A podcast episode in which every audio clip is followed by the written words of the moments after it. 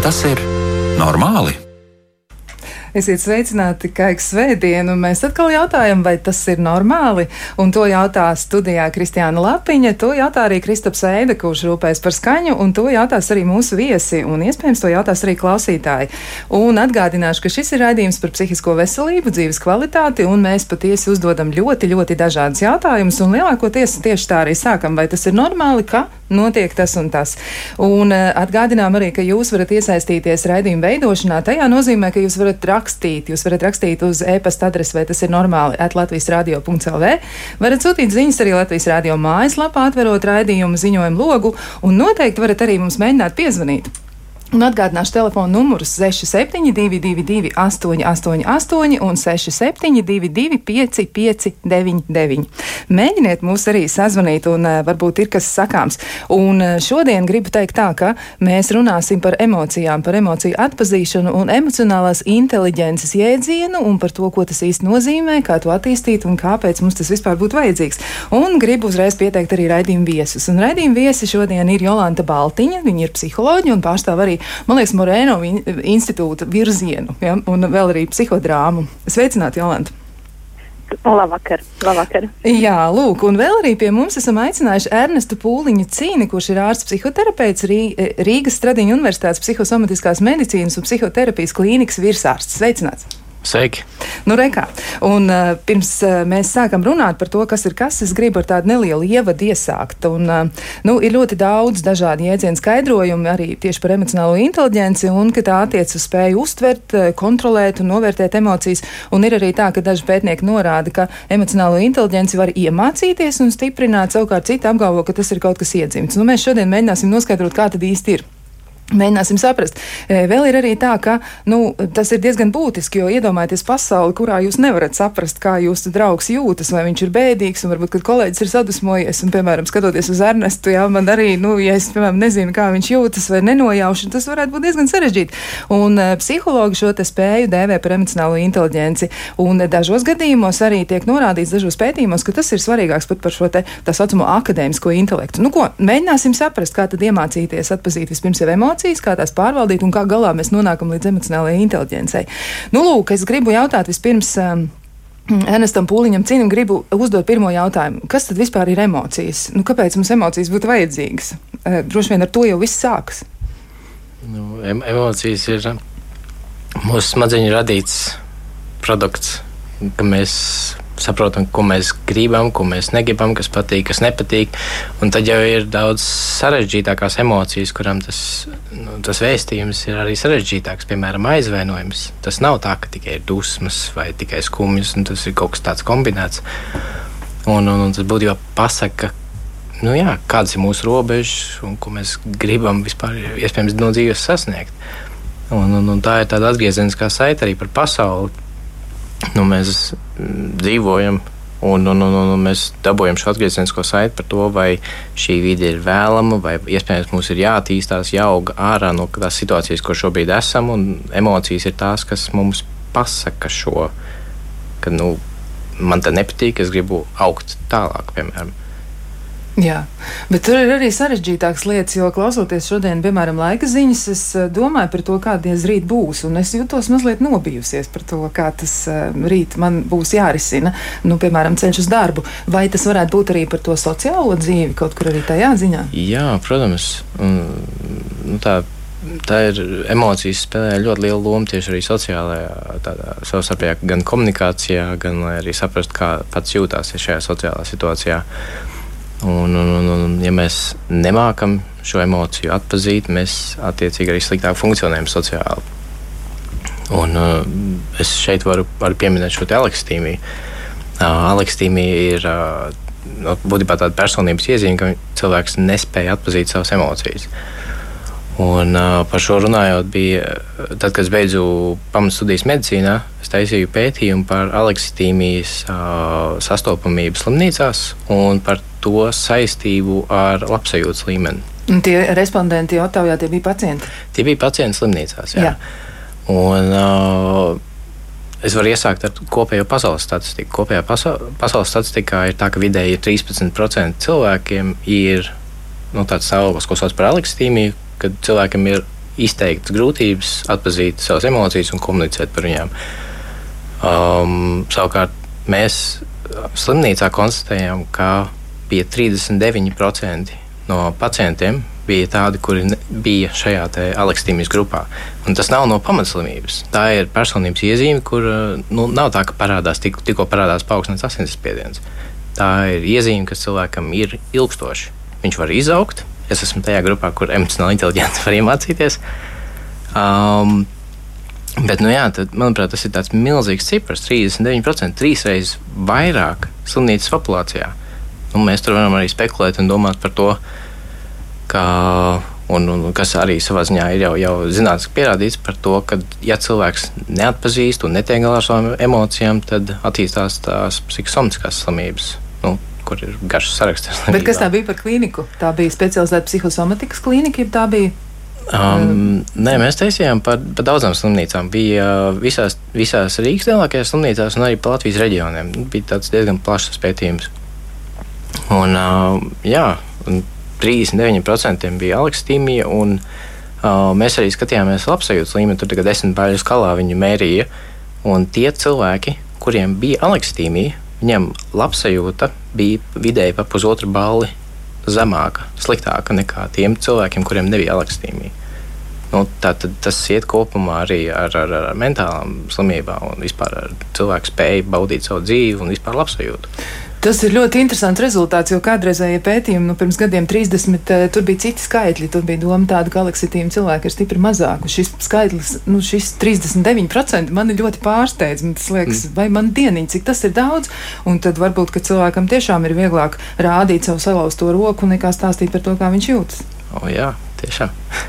Jā, tas ir tas, pie, pie kā mēs vēl droši vien atgriezīsimies sarunā arī par to spēju paust, ko tad es jūtu. Bet uh, es gribu iesaistīt sarunā arī Jolantu Baltiņu un jautāt, nu, kā ir, piemēram, vērojot uh, savā praksē to, kas notiek. Kā ir ar cilvēkiem, cik viegli vai grūti viņiem ir paust emocijas, un vai vispār viņi orientējās savās emocijās? Nu, man jāsaka, ka pēdējā laikā man šķiet, ka tā situācija ir krietni uzlabojusies. Un iespējams, ka tas ir jā, gan ar um, to, ka mums um, mēdījos diezgan daudz tiek stāstīts gan par emocionālo inteligenci, gan par emociju nozīmi. Jo, jā, ja mēs šo sarunu nu, vestu kādus gadus, varbūt desmit atpakaļ, es domāju, ka tie rādītāji būtu krietni, krietni sliktāki. Šobrīd, jā, šobrīd vairāk cilvēki jau apzinās savas emocijas un, un spēj runāt par viņām, bet man šķiet, ka šeit ir tāds ļoti, ļoti liels. Um, ļoti liela ietekme, nozīme tam, kādā ģimenē cilvēks ir audzis un kā viņš ir arī mācījies runāt par savām emocijām, kā viņš ir piedzīvojis to arī izglītības sistēmā. Nu, tātad, vai puiši drīkst raudāt, vai puišiem drīkst stāpēt, vai to drīkst darīt tikai meitenes. Jā, kā, tas, tas atstāja ļoti, ļoti lielu iespaidu uz šo emociju apzināšanos un izpaušanu. Bet kā tad ir? Vai tiešām mēs varam būt pārliecināti par to, ka mēs esam aizgājuši no tiem stereotipiem, ka puiši nedrīkst raudāt un uh, meitenēm tas ir atļauts un ka zēniem ir jācieš klusi, tad, kad viņiem ir grūti un beig beigās mēs nonākam pie tā, ka nu, tur kaut kas īsti nav kā vajag. Kā tas izskatās? Vai patiešām tā ir? Jo mēs jau varam domāt, ka mēs esam nu, spējuši no tā atbrīvoties. Kā tad ir? Mm, nē, nē, diemžēl nav nav, mēs vēl neesam aizgājuši no šīs uh, stereotipa. Mēs tā, es gribētu teikt, lēnītēm virzamies uh, prom no viņa, bet viņš ir vēl diezgan, diezgan, diezgan tāds dzīves. Jā, nu kā, bet kā ir cilvēki vēršoties pēc palīdzības vai pēc konsultācijas, vai viņi spēja aprakstīt, ko viņi jūt? Nu, kā tas ir praksē? Nu, tad, man sanāk tā diezgan vispārināts, ja es teiktu, ka jā vai nē, jo, protams, katrs, katrs gadījums ir ļoti individuāls. Un ir cilvēki, kas spēj vairāk definēt un nosaukt savas emocijas, un es cilvēki, jā, pieauguši cilvēki, ar kuriem mēs kopā mācāmies, kā atpazīt šīs emocijas, kā viņas nosaukt. Un bieži vien, kad um, klients saka, jā, man ir, uh, es kaut ko jūtu, bet es nemāku to nosaukt vārdā, un tad cilvēks mēģina aprakstīt ar dažādiem um, simboliem, krāsām vai, vai, vai, vai kaut kādiem citiem īpašību vārdiem, um, lai varētu kā, noķert to uh, tiešo raksturojumu, kā viņš jūtās. Un, un tad ļoti, ļoti palīdz dažādas emociju kārtas, vārdi priekšā, ko mēs varam kopīgi arī pārunāt, kur emocija vairāk viņam atbilst šajā brīdī. Kā nav tik viegli visiem. Visiem neveicas tik viegli. Starp citu, ir tāds interesants vingrinājums par emocionālo inteligenci runājot, ka mēs varam paņemt alfabētu un uh, katram alfabētu burtam mēģināt piemeklēt emocijas. Uh, tas ir uh, labs vingrinājums. Un kā, kā Jolanta izskatās, vai nu, tie cilvēki, kas vēršas pēc palīdzības, vai viņi varētu nosaukt to visu, vai varbūt ir arī tādi cilvēki, kuriem patiešām ir ļoti, ļoti ierobežotas zināšanas pašiem par savām emocijām. Un kā to varētu izskaidrot? Nu, vai visi varētu nosaukt emocijas um, alfabētam? Es domāju, ka nē. Nu, kā, nē. Uh, noteikti kāds, jā, kādam vairāk varētu veikties šajā uzdevumā. Bet uh, ar ko izskaidrot to, ka cilvēks nevar uh, nosaukt savas emocijas? Um, Ah, jā, kā jau es pieminēju, gan tā sociālā vidē, gan, um, gan tas, kā, kā viņš ir kā, kā apkārtējā sabiedrība ir pievērsusi viņa paša uzmanību savām emocijām. Un cik daudz viņš pats to ir spējis darīt. Jo dažkārt ir uh, cilvēki, kuriem ir bail. Nedod Dievs, es tagad sadusmošos, tad notiks kaut kas slikts. Vai es nedrīkstu priecāties, jo tad notiks kaut kas slikts. Ir ļoti daudz arī tādu stereotipu un aizspriedumu par to, kas var notikt, ja es izjutīšu konkrētās emocijas. Un tad savukārt, jā, tad savukārt ir um, tāds um, izaicinājums. Uh, ļauties tām emocijām tam cilvēkam. Nu, saprast, ka uh, zemeslode neapstāsies un nekas slikts nenotiks, ja es dusmošos vai ja es priecāšos. Jā, tas ir tas, kas ir vēl tāds liels izaicinājums. Ne tikai apzināties, atpazīt šīs emocijas, bet arī ļauties viņām un, un, uh, jā, un, un pārvaldīt viņus. Jā, labi. Nu, mēs klausītājs varam aicināt arī pašus patrenēties. Varbūt jūs varat eh, pamēģināt alfabētam iziet cauri un mēģināt piemeklēt emocijas, un varbūt arī varat dalīties ar to, kā jums būs veicies, un atsūtiet kādu ziņu, kā tad jums ar to iet. Bet, eh, nu, man vēl gribas arī jautāt, un eh, šajā brīdī es atkal jautājumu pāradresēšu Ernestam Pūliņam Cinim par to, nu, kāda tad ir tā emocija funkcija. Jo viena lieta mēs pieminējām dusmas, jā, nu, jūs teicāt arī par dusmām, ka dusmas ir par robežām, bet runājot vispār par citām emocijām, nu, varbūt konkretizējot arī, jo ir arī mēs saprotam, ka aleksitīmi cilvēki, piemēram, ja, kā jūs teicāt, jūsu pētījumā bija 39%, es ticu, ka klausītājiem varētu būt svarīgi saprast, ko katra no emocijām arī viņiem dod. Jo, ja reiz tā ir tik svarīga lieta, tad kas tas tieši ir? Kāpēc es izjūtu kaunu, piemēram, reizēm? Kas tas ir? Nu, kauns ir tāda izteikta sociāla emocija. Citu priekšā, kad sajūtās kaut kā nepilnvērtīgs vai tikai ir izgāzies. Um, Un, un šeit gribās no, nošķirt tās, kas ir uh, pamatotās emocijas, un tās, kas ir nepamatotas. Tās, kas bieži vien tās tā teikt, ir ieaudzinātas, ka nu, tev noteikti ir jājūt par sevi, jājūtās uh, kaunpilni, un tu nedrīkst iet nekur ārā sociālās situācijās. Tas nebūs tas pamatotais kauns, par kuru mums būtu jādomā, ka uh, jā, šito noteikti vajag izjust, šito vajag atpazīt biežāk, un biežāk tā arī vajag justies. Um, Bet, jā, ja mēs domājam par visām citām funkcijām, tad nu, ja, emocija ir krietni vairāk nekā, nekā alfabētā burti. Tas gan. Un, un, un, un katrai atsevišķai savā ziņā mēs arī katrs varam nedaudz piedēvēt to funkciju, jo ir līdzīgi tā kā. Tā kā ar, ar, ar krāsām. Mēs varam redzēt vienu to pašu krāsu, nosaukt nedaudz citos vārdos, bet izjust vienu to pašu. Tāpēc tā, tā gala jēga katram nedaudz atšķirsies. Bet nu, skumjas pārsvarā ir tad, kad kaut kas pietrūkst. Kauns ir tad, kad jā, mēs sajūtamies kaut kā, ka esam izgāzušies sociālā situācijā, vainas izjūta, ka mēs esam nodarījuši kādam pāri un jūtamies slikti par to, ka varbūt nevajadzētu tomēr darīt pāri. Uh, riebums, tā kā, nu, arī tāda ļoti sociāla emocija par to, ka otrs ir izdarījis kaut ko ļoti, ļoti amorālu. Nu, kaut ko nu, tiešām tik ļoti nesmuku un nepareizi, nu, tad, tad ir tas riebums. Tā, un vēl no pamata emocijām, kas mums ir. Ah, protams, ir arī patīkamās emocijas, prieks un interese. Uh, nu, prieks ir tāda pozitīva atgriezeniskā saite. Ja mēs esam kaut ko labu, pareizi izdarījuši un, un paši izjūt, izjūtam tādu ļoti patīkamu tādu emocionālu saviņojumu, un smadzenēs arī dopamīns iz, izdalās tajā brīdī, un tad ir izsācis, oh, forši, patīkams sajūta. Un, un, un līdzīgi hormonālā līmenī, līdzīgi ir arī pie intereses. Un šeit arī, arī mēs gan izējām, pat varam krietni novirzīties no temata par, par to, ka cilvēki meklējot šo interesi un meklējot šo mazo dopamīna pīķi, nu, piemēram, daudz, daudz laika sociālajos tīklos pavada. vai spēlēt kaut kādu spēlīti, kur ir, ir daudz mazi līmeņi jāiziet, un viņš laiku sajūt šo mazo prieka devu. Bet tas sasniegums nav tik liels, lai tas prieks būtu tik nozīmīgs. Viņš īsi parādās un uzreiz arī pazūd. Skrolē, nu, rulē Instagram, un, oh, jauna bilde, īsts, īsts mazs prieks, interesi parādās, pazūd uzreiz. Jo, nu, tā ir tikai bildīte, tur nav cits stāsts, tur neesmu runājis ar cilvēku. Un uzreiz ej uz nākamo, uz nākamo, uz nākamo. Tad jā, cilvēks beigās neiegūst to patieso, to, to pilno emociju. Jā, nu tāds tā, nu, svarīgs, ka tiesi, patiesībā stāsts par katru no tām pamatemocijām, bet nu, tiešām laikam tur tās nianses ir ļoti, ļoti daudzas un dažādas. Nu, ir Jā. taču arī tāds ir ļoti neparasts apzīmējums. Man liekas, ka viens no autoriem, m, par kuru mēs zinām, liekas, tas bija Džerams Klapka. Džerams, viņš ir arī savā grāmatā aprakstījis un minējis vienu jēdzienu, ko tulkotāji ir iztulkojis brīnišķīgi - ļaunpriecīgs. Nu, kā tas būtu skaidrojums? Ļaunpriecīgs, nu ļauni priecāties par kādu, kā tas ir iespējams? Kā tas var būt? Nu, par citu nelaimi, nu, bet tas taču nebūtu labi. Nu, kā, kā tas vispār notiek? Nu, tas, tas ir par raidījumu nosaukumu, vai tas ir normāli? Jā, vai tas ir normāli priecāties par citu cilvēku neveiksmi, piemēram, jo, manuprāt, tas jau aizved līdz citām emocijām droši vien, un, vai, vai, un tad tālāk turpinot šo lietu, vai tam varētu būt saistība arī ar pašvērtējumu. Kā tad ir emocijas un kā tās ir saistītas ar pašvērtējumu? Nu, piemēram, šis pats ļaunais prieks par kādu viņam neiet, un, un, un man, nu, nekā, man arī neiet, bet es vienalga. Nu tā izjūta kaut nu, ko. Man, man bija tāds ļaunprieks, ka uh, ASV prezidents netika ievēlēts atkārtot. un es ceru, ka viņš to nedzirdēs.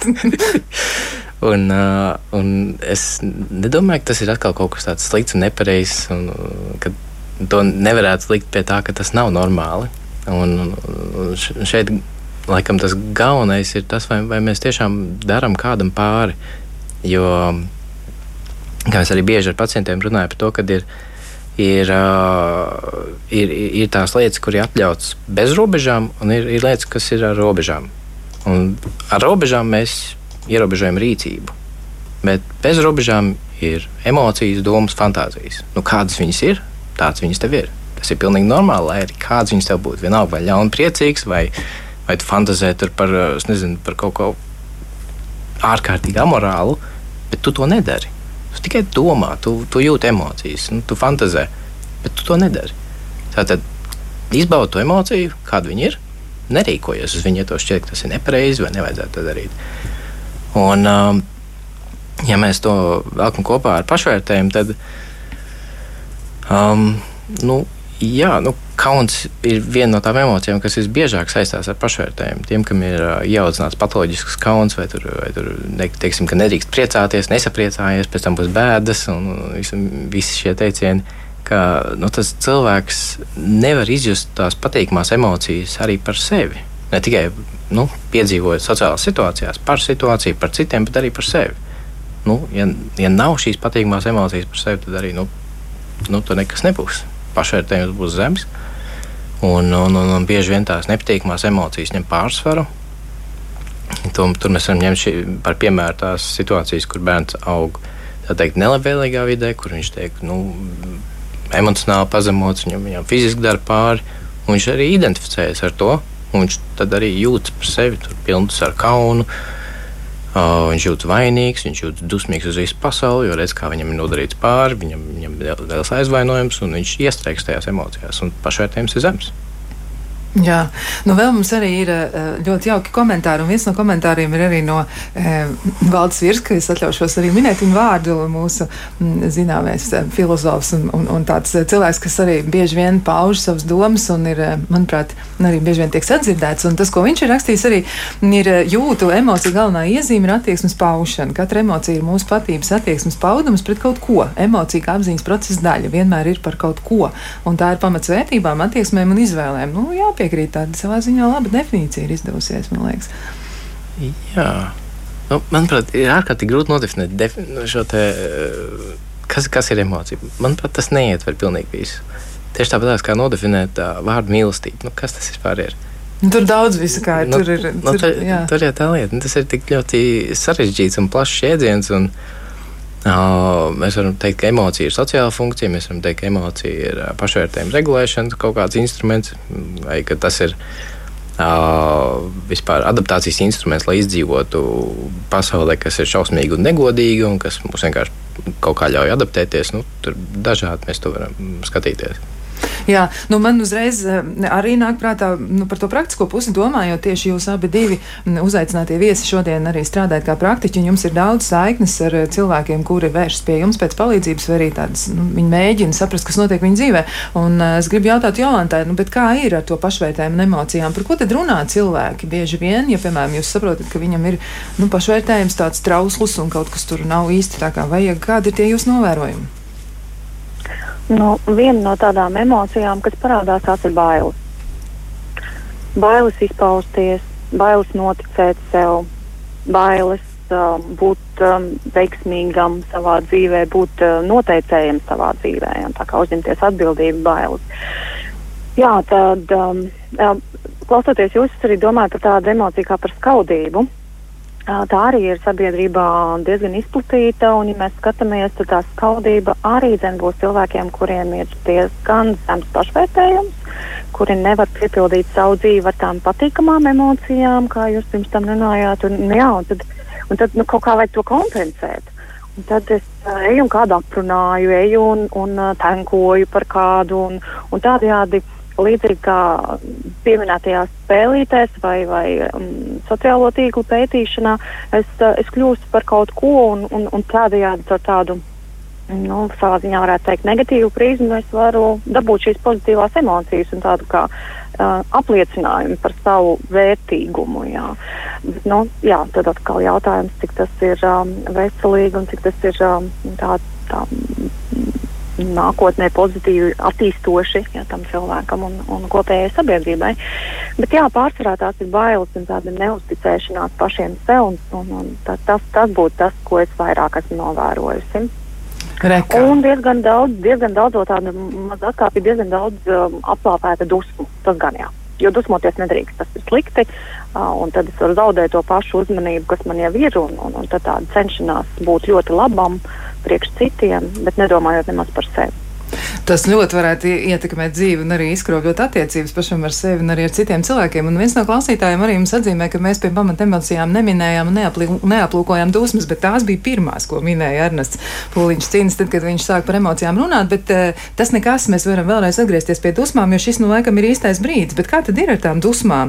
Nu, kas ir iemesli, Jolanta, uh, ko cilvēki min, kāpēc viņi nevarētu, viņuprāt, dusmoties? Nu, kā, vai arī kā Ernests uh, teica pirms tam, nu, ka tas ir svarīgi, lai noteikti kaut vai robežas. Nu, kā, tad, eh, kā viņi to skaidro? Kāpēc nedrīkst dusmoties?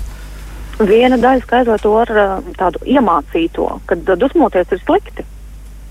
Ja es dusmošos, tad mammai sāpēs galva, vai ja es dusmošos, tad tētis būs dusmīgs arī un, un, un darīs varbūt kaut kādas neforšas lietas. Ja. Tā viena no, tādiem, viena no tādām šķautnēm ir tā iemācītā daļa, ka dusmas ir sliktās emocijas. Reiz man nācās dzirdēt, uh, kā viena ģimenes galva teica, nē, nē, mēs ģimenē nedusmojamies. Šīs emocijas mūsu mājās nav. Vispār. Vispār nav. Ne. Jā.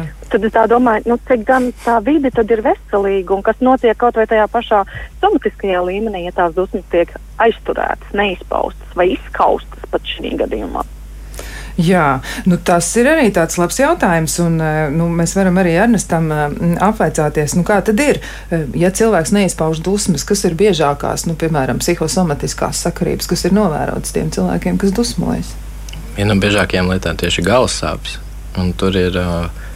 Nu, daļa, dažādi var saistīt kopā tieši, tieši ar šīm galvas sāpēm un paaugstinātu asinsspiedienu.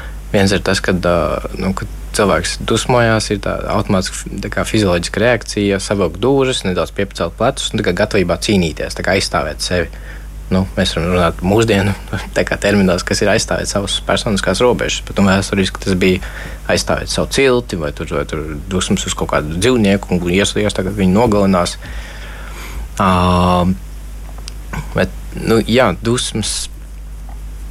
Jā, Tad ah, jautājums bija par psihosomatiku. Nu, jā, jā, kāds, tā, tā, jā, kas, galvas asinsspiediens, kas vēl varētu notikt, ja cilvēks ne, nu, nedusmojas uz tiem, uz kuriem vajadzētu, vai vispār nespēja dusmoties, vai viņam ir nu, tāda ģimene, kas saka, mums nav dusmu vispār. Jā, par šo teikumu gan es, es pieņemu, ka Jolanta uh, citēja šo. šo ļoti, jā, un, man, man arī izklausījās, ka Jolanta viens pret vienu, ja kā saka, vārds vārdā. Jā, šis, šis teikums izklausījās tik dusmu pilns. Mūsu mājās nedusmojās. jā. Un, eh, nu, tad kādas vēl varētu būt sekas? Liekas, arī nu, kuģa zarnu trakts. Jā, jā kuņķulis ļoti bieži nu, tā literatūrā. Jau, vien, man liekas, manuprāt, viena no pirmajām lietām, ko aprakstīja vidās kuņķulis, uh, kur mēģināja saistīt tieši, tieši ar šo emocionālo sfēru. Nu, pēc, pēc tam parādījās, ka tur ir vēl arī citi faktori, kas arī nav nenozīmīgi. Ja, tas tāpat helikobakterija. Bet, uh, bet nu, jā, mēs, mēs būtu tā, ka. Uh, nu, kā, ir, ir šis, tas, viens, no, viens no psihoterapijas pamatlīdzējiem Freids. Nu, tur bija tā, tā saucamā tā anālā fāze. Ja?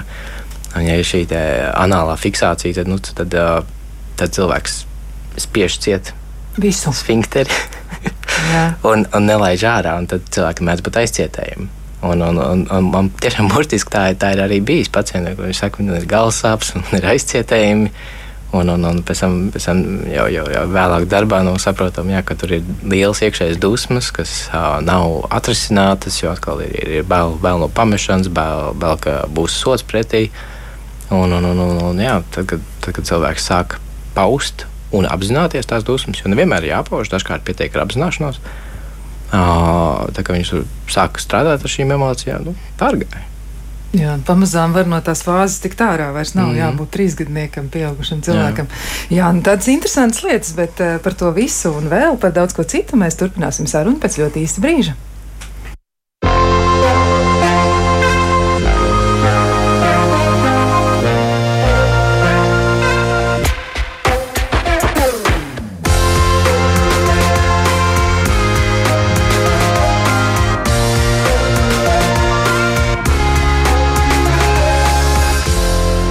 Tas ir normāli? Mēs turpinām sarunu par emocionālo inteligenci, par emocijām un arī par to, kā iepazīt sevi un kā nu, nonākt pie tādas veselīgākas un kvalitatīvākas dzīves. Jo emocionālā inteligence tomēr laikam ir attīstāma. Es arī noteikti būšu to cilvēku pulkā, kas teiks, ka var attīstīt. Es atbalstu Ernestu Pūliņu cīni, kurš teica raidījuma pirmajā daļā, ka var attīstīt emocionālo inteligenci. Un man liekas, ka Jolanta Baltiņa arī to saka no savas puses, ka tā noteikti varētu arī būt. Eh, jā, un arī atgādināšu par saviem viesiem. Tātad pie mums eh, šodien viesos viesojas Jolanta Baltiņa, psiholoģija, un Ernests Pūliņš Cinis, eh, ārsts psihoterapeits, kurš ir arī Rīgas Stradiņa Universitātes psihosomatiskās medicīnas un psihoterapijas klīnikas virsārsts. Un klausītājus savukārt aicinām iesaistīties raidījumā. Jūs varat noteikti sūtīt kādas savas idejas un arī savas atklāsmes, varbūt savus secinājumus, un to jūs varat izdarīt, mm, izmantojot eh, e-pasta adresi, vai tas ir normāli, at Latvijas radio.lv, un varat arī sūtīt savus ziņojumus ziņojumu logā. Un Mēs varam mēģināt arī apspriest, nu, kas tad ir tas, kas jums ir sakāms. Un, uh, ja var jūs lūgt, arī mēģiniet izpētīt paši savas emocijas un varbūt padalieties arī ar to, ko jūs esat secinājuši, kas jums ir sanācis un kā jums vispār ir veicies ar emociju piedzīvošanu. Jo varbūt arī kādam no jums ir tāds stāsts, ka jūs esat uh, piedzīvojuši emociju aizliekšanu. Un, uh, nu, ar to arī es gribētu turpināt, kā tas ir, ja emocijas tiek aizliegtas, vai arī nu, kādam cilvēkam tiek sniegts tāds skaidrojums, nu, ka tu šitā nevar uzvesties. Ja, tā nedrīkst būt un tā nedrīkst justies. Nu, pie kā tas varētu novest? Un es pirms es uzdošu jautājumu Ernestam Pulņam Cinim, un arī pēc tam noteikti aicināšu Jolantu Baltiņu komentēt, nu, kā tas izskatās, kādas ir sekas. Nu, aizliedz, piemēram, cilvēkam skumt. Nu, nedrīkst skumt, nedrīkst staigāt ar bēdīgu seju. Laikam vis, visbiežāk par to, ka nedrīkst skumt, tā praksē gadās saskarties ar ielgušām sērām. Tā, tā, manuprāt, ir visloģiskāk saprotamā situācija, kur skumti ir pilnīgi normāli. Kā, kādreiz cilvēks nāk un saka, jā, ir, jābūt priecīgam, jāuzliek smaidīga seja un viss taču kārtībā. Pagājuši taču divi, divi mēneši jau pēc, jau pēc, jau pēc bērniem, kāpēc man joprojām ir skumīgi. Un tad ir nu, gan, gan īstenībā gribās diezgan tieši pretjautājumu, vai tiešām tas cilvēks tev bija tik maz svarīgs. Ka tikai divi mēneši skumīgi par to, ka tu viņu pazaudēji. Protams, tur ir visas pārējās sērošanas stadijas, visām citām emocijām. Bet, bet nu jā, par skumjām konkrēti, nu, ja tev kaut kas pietrūkst, pēc kaut kā ilgojies, nu, tas ir signāls tev. Nu, tu tā arī viņu uztver, ka ir ok skumti, ilgoties. Nu, tā savā ziņā ir jāizjūt tā emocija, un kādreiz, ja viņi ir, ir pietiekami spilgti, tad arī nu, var ļaut arī šīm ķermeniskajām nu, reakcijām nu, raudāt. Da, ir, ir, ir, ir tāda, nu, jā, gan īsti katrai emocijai ir sava ķermeniskā reakcija. Un, uh, bieži vien, tad, kad cilvēks arī apspiež visas emocijas, tad ir, ir spilgtāk šīs ķermeniskās reakcijas. Piemēram, ja ir, ja ir kauns, tad uh, nu, cilvēks nosargst. Bet, ja viņš kā, nu, neizrāda to vai, vai teikt, nerisina to kaunu konkrētajā situācijā, tad viņš nu, Viņš ne tikai nosauks, bet viņš rītīgi arī svīst. Viņa, viņa var, varbūt piemetās šķidra vēdera izēja par to, ka ir ļoti, ļoti, ļoti liels uztraukums par, par to, ka tās piedzīvos kaunu. Um, nu, jā, tad ir, ir ārkārtīgi daudz šīs psiholoģiskās reakcijas, un, un, un mums raidījuma laiks, es domāju, nepietika, lai pilnīgi visu uzskaitītu, jo, jo tās reakcijas var būt ļoti, ļoti dažādas. Un, jā, kā, kā minēju, sākot ar galvas sāpēm, beidzot ar aizcietējumiem. Jā, nu tā tad viss kaut kas tur būtu. Nu, Jolanta, kā izskatās eh, praksē no jūsu puses, ja jūs skatāties uz cilvēkiem, kuriem ir aizliegts kaut ko just, nu kā tad tas eh, beigu beigās notiek? Kas notiek ar viņiem? Viena daļa no viņiem ir tiem, kas um, aiziet tādā racionalizācijā. Ja man tās emocijas ir aizliegtas un es viņas nedrīkst izjust, nu, tad man ir jābūt kaut kādam racionālam skaidrojumam tam. Un, diemžēl uh, cilvēks iestrēgst uh, šajā racionalizācijā un uh, visu cenšas izskaidrot ar prātu. Un, uh, un tur tās emocijas tiek vēl vairāk apspiestas nu, jau no paša cilvēka. Protams, pievienojos arī teiktiem par to, ka ļoti daudz kaut kādu psihosomātisku lietu aktivizējas, jo tomēr, nu, ļaušos teikt, ka, manuprāt, emocijas mums dzīvo ķermenī, un mēs viņus arī piedzīvojam savu ķermeniskajām sajūtām, un, un dažkārt, kad um, sesijā ir tā, ka klients saka, ka viņš ka nevar saprast, kā viņš jūtas, Tātad jau formulējums liecina par to, ka viņš atrodas, ja tā var teikt, tajā brīdī savā prātā, savā galvā. Es nesaprotu, kā es jūtos. Tad es viņu aicinu pievērst uzmanību savam ķermenim. Vai nu piecelties, izkustēties, pārelpot, sajust, kas tad viņa ķermenī ir.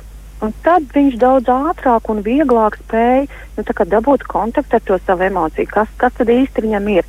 Kaut vai viņš sāk ar tik vienkārši, ai, man tur ir notirpusi kreisā kāja, Nu, un tad mēs kā, runājam par to kreiso kāju, mēs aizējām līdz tām emocijām, kas tur ir, tā kā varētu teikt, apslēptas tajā tir, tirpšanā un kreisajā kājā. Jā. Bet, nu, jā, lielākoties tā ir tāda racionalizācija, nu, noslēgšana, nospiešana, emociju ne, nepieļaušana, ka viņš arī tādas emocijas varētu just. Un, jā, un tad savukārt tas modinājums iet caur tādu kustību, caur ķermeni, pievērst uzmanību tam, Un tad jā, vieglākā veidā var dabūt kontaktu ar emocijām. Nu, rekā, nu, ir arī klausītājiem jautājumi, un viens no jautājumiem ir tāds, nu, tad, kas raksturo augstu emocionālo inteliģenci un kas par to liecina. Nu, tad varbūt es atkal jautājumu pāradresēšu Ernestam, un tad mēģināsim arī tālāk izanalizēt, kas tas ir. Kas varētu raksturot cilvēku, kuram ir nu, tiešām attīstīta šī spēja saprast?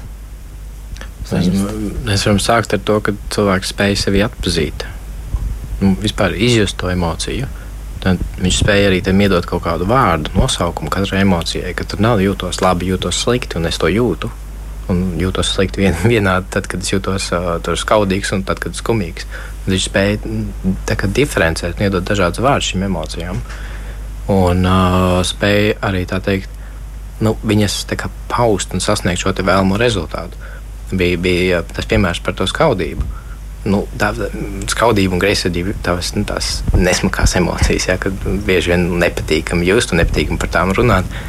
Bet uh, mēs varam skatīties, nu, ko tā emocija mums saka. Nu, mums kaut ko gribās, mums kaut kas pietrūkst. Man gribās to, kas ir viņam. Nu, mēs varam darīt sociāli pieņemamu reakciju uz šo, uz šo, šo, šo skaudību. Nu, teiksim, ja man to gribās, nu, es tiekšos, lai es to sasniegtu. Nevis iešu ieriept viņam un tenkošu par viņu, bet es izmantošu to savā labā nu, kā, kā ziņu. Un, un tā arī ir viena no emocionālās inteliģences pazīmēm, ka mēs varam sasniegt to emocijas mērķi. Mēs varam izmantot tālāk sociālajā interakcijā, nu, sarunā ar otru cilvēku un nu, tā teikt, izrēģēt. Tā tad vispirms ir atpazīšana, ja, tā, nu, tā kā sevis apzināšanās. Tā, tā varētu būt viena lieta. Un tas sakrīt arī ar teoriju, jo tiek teikts, ja, ka tā tas arī ir. Cilvēkam ir augsta emocionāla inteligence, atšķir emocijas no prāta spējām, jeb citiem vārdiem no prāta, nu, jeb no domām. Emocijas un domas tas nav gluži viens un tas pats. Mm -hmm. ja. Tad tas varētu būt viens no aspektiem. Varbūt Jolanta varētu turpināt, kas vēl varētu raksturot augstu emocionālu inteligenci, nu, kas vēl varētu būt tāds, kas eh, noteikti piemīt šiem cilvēkiem. Nu, tad paturpinot, tad sanāk, kad arī atpazīt otrās šīs emocijas. Mm -hmm. Atpazīt otrā emocijas, spēt viņas arī nosaukt vārdā un uh, adekvāti tām arī reaģēt. Uh, ja kāds ir dusmīgs, nu, tad uh, tas nenozīmē uzreiz, ka man viņš ir jāmēģina nomierināt, iedot krūzīt ar ūdeni vai kā, bet man nu, ir jāskatās, vai tās dusmas ir mani apdraudošas vai nē, un kā es tajā situācijā varu arī ļaut tām dusmām būt tajā, tajā otrā cilvēkā. Nu, nemēģināt viņus apslāpēt. Tas ļoti līdzīgi arī par sērām un skumjām. Tu tikai neraudi, viss būs labi. Uh, bet man šobrīd ir skumji, nu, kāpēc es nedrīkstētu raudāt. Jā? Nu, tā ļaut piedzīvot tam otram tās emocijas. Nu, jā, no tā savukārt izriet nākamais jau šī empātiskā līdzpārdzīvošana. Nu, tā, tā arī ir ļoti svarīga, ja mēs runājam par augstu emocionālo inteligenci. Jā, bet tā, nu, tā aizliekšana, dusmoties vai raudāt, vai tas varētu būt arī par to, ka mums ir nu, nērti. Nu, kā, nu, tu tagad raudās man blakus, nu, tu tur sēro bēdājies. Man, man ir grūti to izturēt. Varbūt ar mani ir problēmas, man ar to emocionālo inteligenci nav tā kā vajag. Un vai tas arī varētu būt viens no tādiem kritērijiem, uz kuriem mēs varētu mēģināt paļauties, lai saprastu kaut ko par sevi? Jo, ja man ir grūti izturēt emocijas citos cilvēkos, un pieņemt, ka viņi viņas piedzīvo, vai tas varētu liecināt par to, ka man kaut kas tomēr ir jāattīst sevī vairāk? Jolanta, vispirms, un Ernests jā, jau, jā. viņam ir kaut kas, ko teikt. Jolanta. Es domāju, ka noteikti jā, jo tā ir jautājums, tad uzreiz vai es pati spēju sevī pieņemt šīs emocijas un, un pārdzīvot viņas. Jo, protams, kad um, mums ļoti maz sabiedrībā māca, kāda, kā, kā, kas man ir jādara, kā man ir jārīkojas, tad, ja kāds uh, raud, piemēram. Vai man viņam ir jādod kabats lakatiņš, vai man viņš ir jāmierina, vai man vienkārši jābūt viņam blakus un nu, jābūt tādam empātiskam klausītājam, ja viņš grib kaut ko man teikt. Un tā kā līdzpārdzīvot, es domāju, ka noteikti, jā, noteikti tas, nu, kaut kādā mērā tas noteikti parāda, ka manī kaut kas vēl ir jāattīst šajā emocionālajā ziņā. Vai pašai pārdzīvot šīs emocijas, vai iemācīties pieņemt citos šīs emocijas un, un, un, un jā, rīkoties adekvātā situācijā. Man liekas, ka ir viens ļoti populārs izteiciens, ko cilvēki lieto, un tas raksturo to, ka viņiem vajadzētu kaut ko attīstīt. Viņi saka, es nevaru izturēt, kā viņš vai viņa nu, ka notiek kaut kas. Mm. Bet, Ernest, ko tad jūs gribējāt teikt? Es gribēju atsaukties atkal uz nosaukumu par, par normalitāti. Um, jā, protams, ka ir, ir, ir sociāli vēlamāk, ja cilvēks spēj izjust to otru cilvēku, viņš spēj just līdzi un, un, un spēj ieklausīties un, un nu, attiecīgi rīkoties, kā, kā būtu nepieciešams tajā situācijā. Bet tajā pašā laikā ir arī vērtīgi saprast, kur es esmu šobrīd šajā situācijā. Vai man iespējams nav šī empātiskā kapacitāte, Un tad arī nu, atļaut sev nu, nebūt tai empātiskai kapacitātei. Nevis mēģināt izlikties vai, vai kaut ko baigt pietēlot, bet kā, nu, teiksim, cilvēks pārgurs, atnāk vakarā mājās un tur, tur, tur piemēram, kaut kāds, kāds grib strīdēties mājās. Un tas var pateikt, lūdzu, dod man nedaudz laika atpūsties, atelpoties. Un man šobrīd nav tā emocionāla kapacitāte. Un tā kā atļaut sev nu, nebūt tik empātiskam uz to brīdi un, un, un, un, un, un, un tā kā dot, dot laiku, kad nu, iespējams būs tā atpūta. Nu, un, nu, šis ir ļoti situacionāli, ka piemēram cilvēks pārgurs. Bet varbūt cilvēkam nu, tā jau kā personības iezīme ir vairāk, kā, nu, viņam, viņš nav tik empātisks. Nu, bet tad, tad arī ir vērtīgi apzināties un savā ziņā vispirms normalizēt un tad mēģināt mainīt. Jo, ja iet caur to, ka nē, reku šitais man ir slikti, un tagad, kur radio izdzirdēs, À, Visiem jāattīstās. Jā, jā, jā un, un tad savā ziņā var vairot tikai kaunu, ja mēs ejam caur, caur to prizmu, ka ne šitā, šitā justies, vai šit, ir, ir slikti, ja jūs neesat empātiski. Nu, tādi jūs esat, tādi jūs esat izauguši. Un, un ja nav tā, tā, nu, tā spēja būt tik empātiskam, nu, tad nu, vispirms nu, pieņem sevi to, nu, ka ir, ir ok, ka tā man, man, man šajā situācijā šobrīd ir, un, un nu, es varu augt, attīstīties, bet, bet būs situācijas, kuras pateikšu, nu, atvainojos tev, es nezinu, kā tev pa palīdzēt. Nezinu, kā rīkoties šajā situācijā. Un savā ziņā tas arī ir ok, tas ir daudz labāk nekā, nekā nu, darīt kaut ko, kas iespējams ir ļoti automātiski, intuitīvi un kas nu, varbūt tiešām nepalīdzēs. Jā, nu, tas laikam arī. Nu, vēl arī, cik es literatūrā esmu atradusi par šo, ir diezgan daudz visa kā, bet, nu, piemēram, arī par tām pašām robežām vai nevairīšanos no sarežģītām emocijām. Nu, Jolanta, kāda ir jūsu novērojuma eh, par to? Jūs arī teicāt jau par to, ka cilvēki mēģina izvairīties no emocijām, kuras ir grūti piedzīvot, bet par ko tas varētu liecināt? Par to, ka viņiem nav prakses, nu, kā būt kopā pašiem ar sevi tādās grūtās situācijās, un viņi cenšas strauji no tā iziet. Kas varētu būt skaidrojums tam? Mm, jā, varētu, varētu mm, domāt par to, ka tas ir saistīts ar to, ka cilvēkam nav tik daudz pieredzes ar šīm emocijām un situācijām, kā, kā izdzīvot. Um, ir arī tādas, um, tā varētu teikt, sociālās klišejas, kā vajag uzvesties, kā vajag um, piedzīvot. Um, Un te jā, man gribas piekrist arī par tām um, savām kurpēm, palikt savās kurpēs. Ja man nav šīs pieredzes, nu, tad arī būt godīgam pret sevi un otru un teikt, ka es nevaru, nevaru izdzīvot šīs emocijas un, un ņemt sev laiku vai doties prom no šīs situācijas un pēc tam strādāt ar to. Um, jā, grūti tā atbildēt, kas vēl varētu būt par tādiem galveniem iemesliem, kādēļ cilvēks tik ļoti. Hmm, Vairāk es tomēr palikšu pie tā, jā, ka tā ir tāda, tāda um, pieredzes, izpratnes uh, un, un tādas um, drosmes ļauties tām emocijām. Pieredzes, izpratnes, tāda varbūt uh, trūkums vai nepietiekamība un, un, uh, un jā, tāda nedrošība šajās emocijās. Kā, kā es jutīšos, kā, kas notiks tad, ja es un tālāk daudz funkciju kaut kādās emocijās vai ļaušu tām emocijām būt nedrošība. Jā, par nedrošību tas noteikti varētu būt tāds būtisks aspekts. Nu, vēl klausītāji arī raksta, ka, nu, un arī starp citu runāt par daudz punktiem. Ja? Labvakar, domāju, ka jebkurš cilvēks, kurš ir iemīlējies, izjutīs skumjas, ja nesaņems atbildes reakciju no otra, un tas pat būs ilgstoši. Nu, kā tas varētu, Ernest, nu, kā tas izskatās? Tiešām, jo tā ir mīlestība, lai ko tas nozīmētu, ja katram tajā mīlestības koferī būs viss kaut kas iekšā, bet tas varētu būt ļoti grūti, nu, nesaņemt atbildi no tā cita cilvēka. Un, Un tad ir skumjas, ne tikai tas vien. Un vai tas var mm. turpināties nu, ļoti ilgu laiku? Cik ilgi tas varētu būt? Tam jau arī droši vien nav robežas noskābes. Hmm. Man gribētu teikt, ka, ka tās skumjas ir uh, līdzīgas kā sēru skumjas. Jo parasti, kad mēs runājam par sērām, mēs nu, runājam par, par nāvi. Bet ir, bet ir arī nāve tai, tai fantāzijai un tai, tai idejai par to, ka ānē, kur es ar šo cilvēku būšu kopā būs tik ārkārtīgi jauki. Un, un atkal sērām it kā ir noteikti robeža, ja, kad nu, no viena gada, tad, kad ir 12 mēneši pagājuši, tad mēs sakām, ka ir ilgušas sēras. Bet, bet kādreiz tas cilvēks ir tik ļoti nozīmīgs un, un, ir tik ļoti liela pieķeršanās bijusi, ka nu, tās, tās skumjas var būt ilgāk.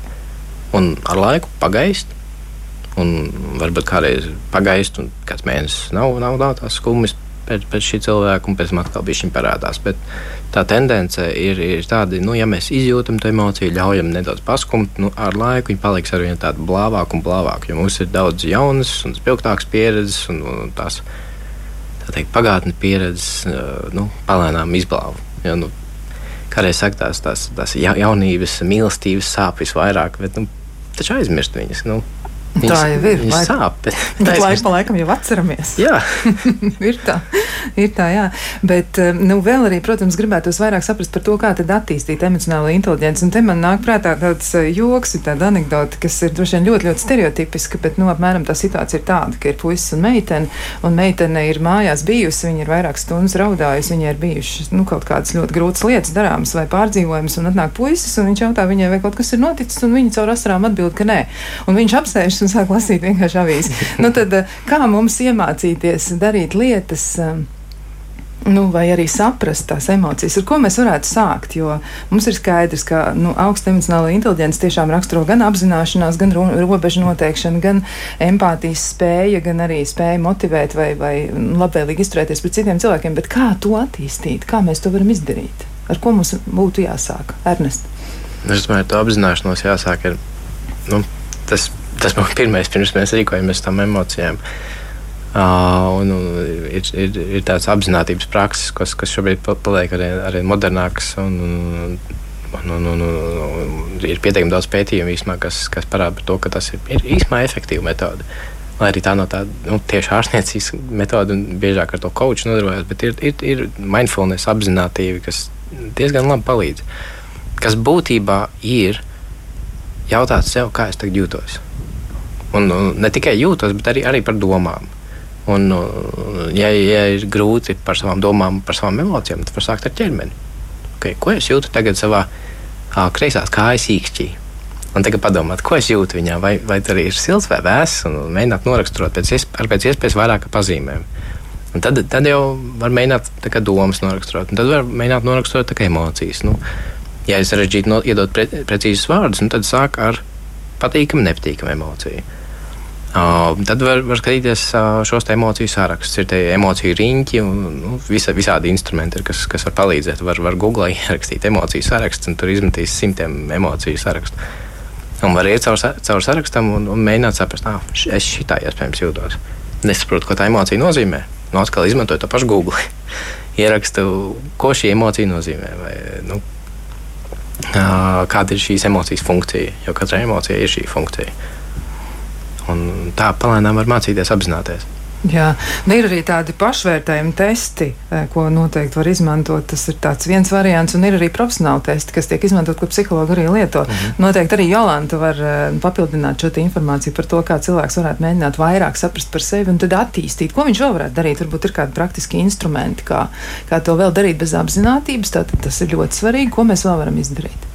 Es teiktu, tāds praktisks uzdevums ikdienā trenēties. Um, vienalga, vai kāds man jautā, vai es pats sev uzdodu šo jautājumu, kā es šobrīd jūtos, neatbildēt ar labi un slikti vai normāli, bet trenēties, um, atrast citus vārdus tam. Jo, ja es saku labi un slikti vai normāli vai, um, vai nenormāli, tad uh, tie ir vērtējumi, tās nav gluži emocijas.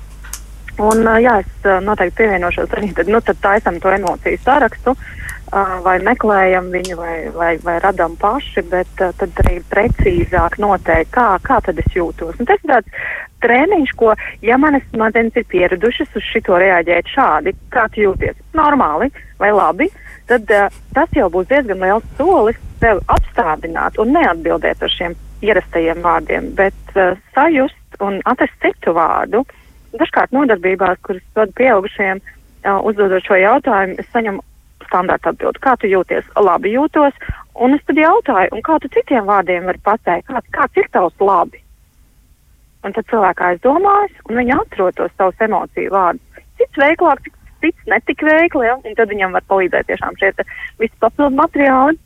Un um, tas tāds um, it kā ļoti vienkāršs uzdevums, bet viņš diezgan um, ķimperlīgs. Uh, tad man sevi ir jāapstādina, man sev ir no sākuma jānoķer pirms tā vārda teikšanas, un, un tad ir jāatrod cits vārds, kurš vairāk raksturo šo manu sajūtu, emociju tajā brīdī. Nu, tas, es domāju, tas ir diezgan liels izaicinājums dažiem cilvēkiem. Jā, un izskatās arī, ka emocionālajai inteligencei ir ļoti liels tāds tā saucamais sociālais pienesums, jo ļoti daudz, kur arī gan pētījumos, gan dažādos zinātniskajos rakstos tiek pieminēts tas, ka emocionālā inteligence ir ļoti nozīmīga sociālo interakciju veidošanā tieši, nu, meklējot darbu vai uzturot darba attiecības, nu, ka mēs labāk saprotam tos, nu, tos priekšnieks, piemēram, ja kas tur brēkā kādreiz, un varbūt, ka viņam vienkārši ir bijusi slikta diena, nevis viņš ir sadusmojies uz mums, tad eh, kas vēl varētu palīdzēt, nu, iemācīties atšķirt tās nianses uh, emociju Mm, nu, par emocijām runājot, emocionālās inteliģences saistībā, varbūt ir vēl kaut kas, ko mēs varam darīt. Jolanta, varbūt vēl kāds piedāvājums arī. Nu, piemēram, patrenēties lomu spēles, varbūt arī tas varētu palīdzēt. O, jā, tas noteikti var palīdzēt. Uh, kaut vai tas pats uh, loma maiņa ar to pašu priekšnieku, kurš tur bēkājās. Jā, un es domāju, kāpēc viņš to dara un ko viņš man tagad, uh, bet jā, samaina lomas ar viņu, tad es uh, varu arī sajust tās emocijas un vairāk arī apzināties un izprast, kam dēļ tad tās emocijas ir tādas. Un tad tikai svarīgi ir vienmēr atcerēties, samainīt lomu atpakaļ uz savējo, nu, nepalikt tajā otra, otra, otra personāža lomā. Jā.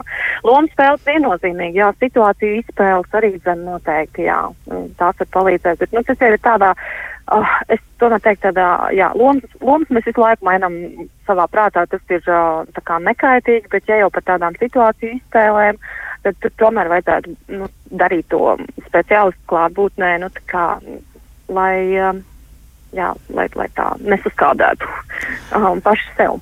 Jā, jā, jā. Neradīt liekas spriedzi un, un, un ne, nepatīkams emocijas pēc tam. Jā, lai mēs, lai mēs varam izkāpt ārā no lomas, tas ir svarīgi. Mm -hmm. Un Ernests vēl kaut ko grib teikt, un man liekas, ka šis varētu būt jau nu, tuvoties raidījuma noslēgumam. Tad... Nu, tāds varbūt gan kopsavilkums, gan arī, nu, kas bija padomā, noteikti arī vajag pateikt. Jā, um, noteikti var vērsties pie speciālistiem, jā, lai, lai attīstītu emocionālu inteligenci. Bet, manuprāt, arī tas, kas palīdz bērnam attīstīt ļoti agrā vecumā jau šo emocionālo inteligenci, tas varbūt arī tas var būt arī pieaugšā vecumā. Man patīk, ir labi sabiedrotie, labi draugi. tie, tie cilvēki, kas radīs tev tādu tā drošu vidi, kur tu arī eksperimentēt ar visām savām emocijām, ar visām reakcijām, un viņi tev nenosodīs par to. Un, un tas, manuprāt, ir ārkārtīgi svarīgi. Jo bieži vien tie, tie labie draugi, viņi, viņi paši rādīs piemēru, kā viņi, kā viņi runā par emocijām, un viņi būs piemērs, kā viņi reaģē uz, uz tavām emocijām. Būs, būs kopumā tā mācīšanās pieredze. Tā kā, gan speciālisti, gan, gan draugi. Gan draugi, gan arī visi tie citi cilvēki, kas ir līdzās. Jo, Jā. nu, piemēram, to pašu vilšanos piedzīvot, to jau arī var palīdzēt. Piemēram, tēcis, nu, spēlējam futbolu, un izrādās, ka nu, mēs zaudējam kādreiz tiem stiprākajiem, un arī ar to ir jāspēj mm -hmm. būt attiecībās tāpat kā ar uzvaras izjūtu. Jā, nu liekas, ka mums ir diezgan daudz kas runājams, un jo īpaši arī domājot par psihosomatiskajām sakarībām, es domāju, ka mēs to sarunas daļu noteikti izvērsīsim un arī turpināsim kādā citā reizē. Bet šobrīd es teikšu lielu paldies gan Jolantai Baltiņai, psiholoģijai, gan arī Ernestam Pūliņam, cīnījumam, ārstam, psihoterapeitam. Un eh, klausītājiem savukārt mēs varam novēlēt, nu mēģiniet atrast kontaktu paši ar savām emocijām, lai jums izdodas izpētīt sevi un iespējams arī, ka jūsu dzīve mainīsies un vai jūsu emocijas ir normāli. Jā, tas ir normāli. Lai jums jauka nākamā nedēļa. Tā.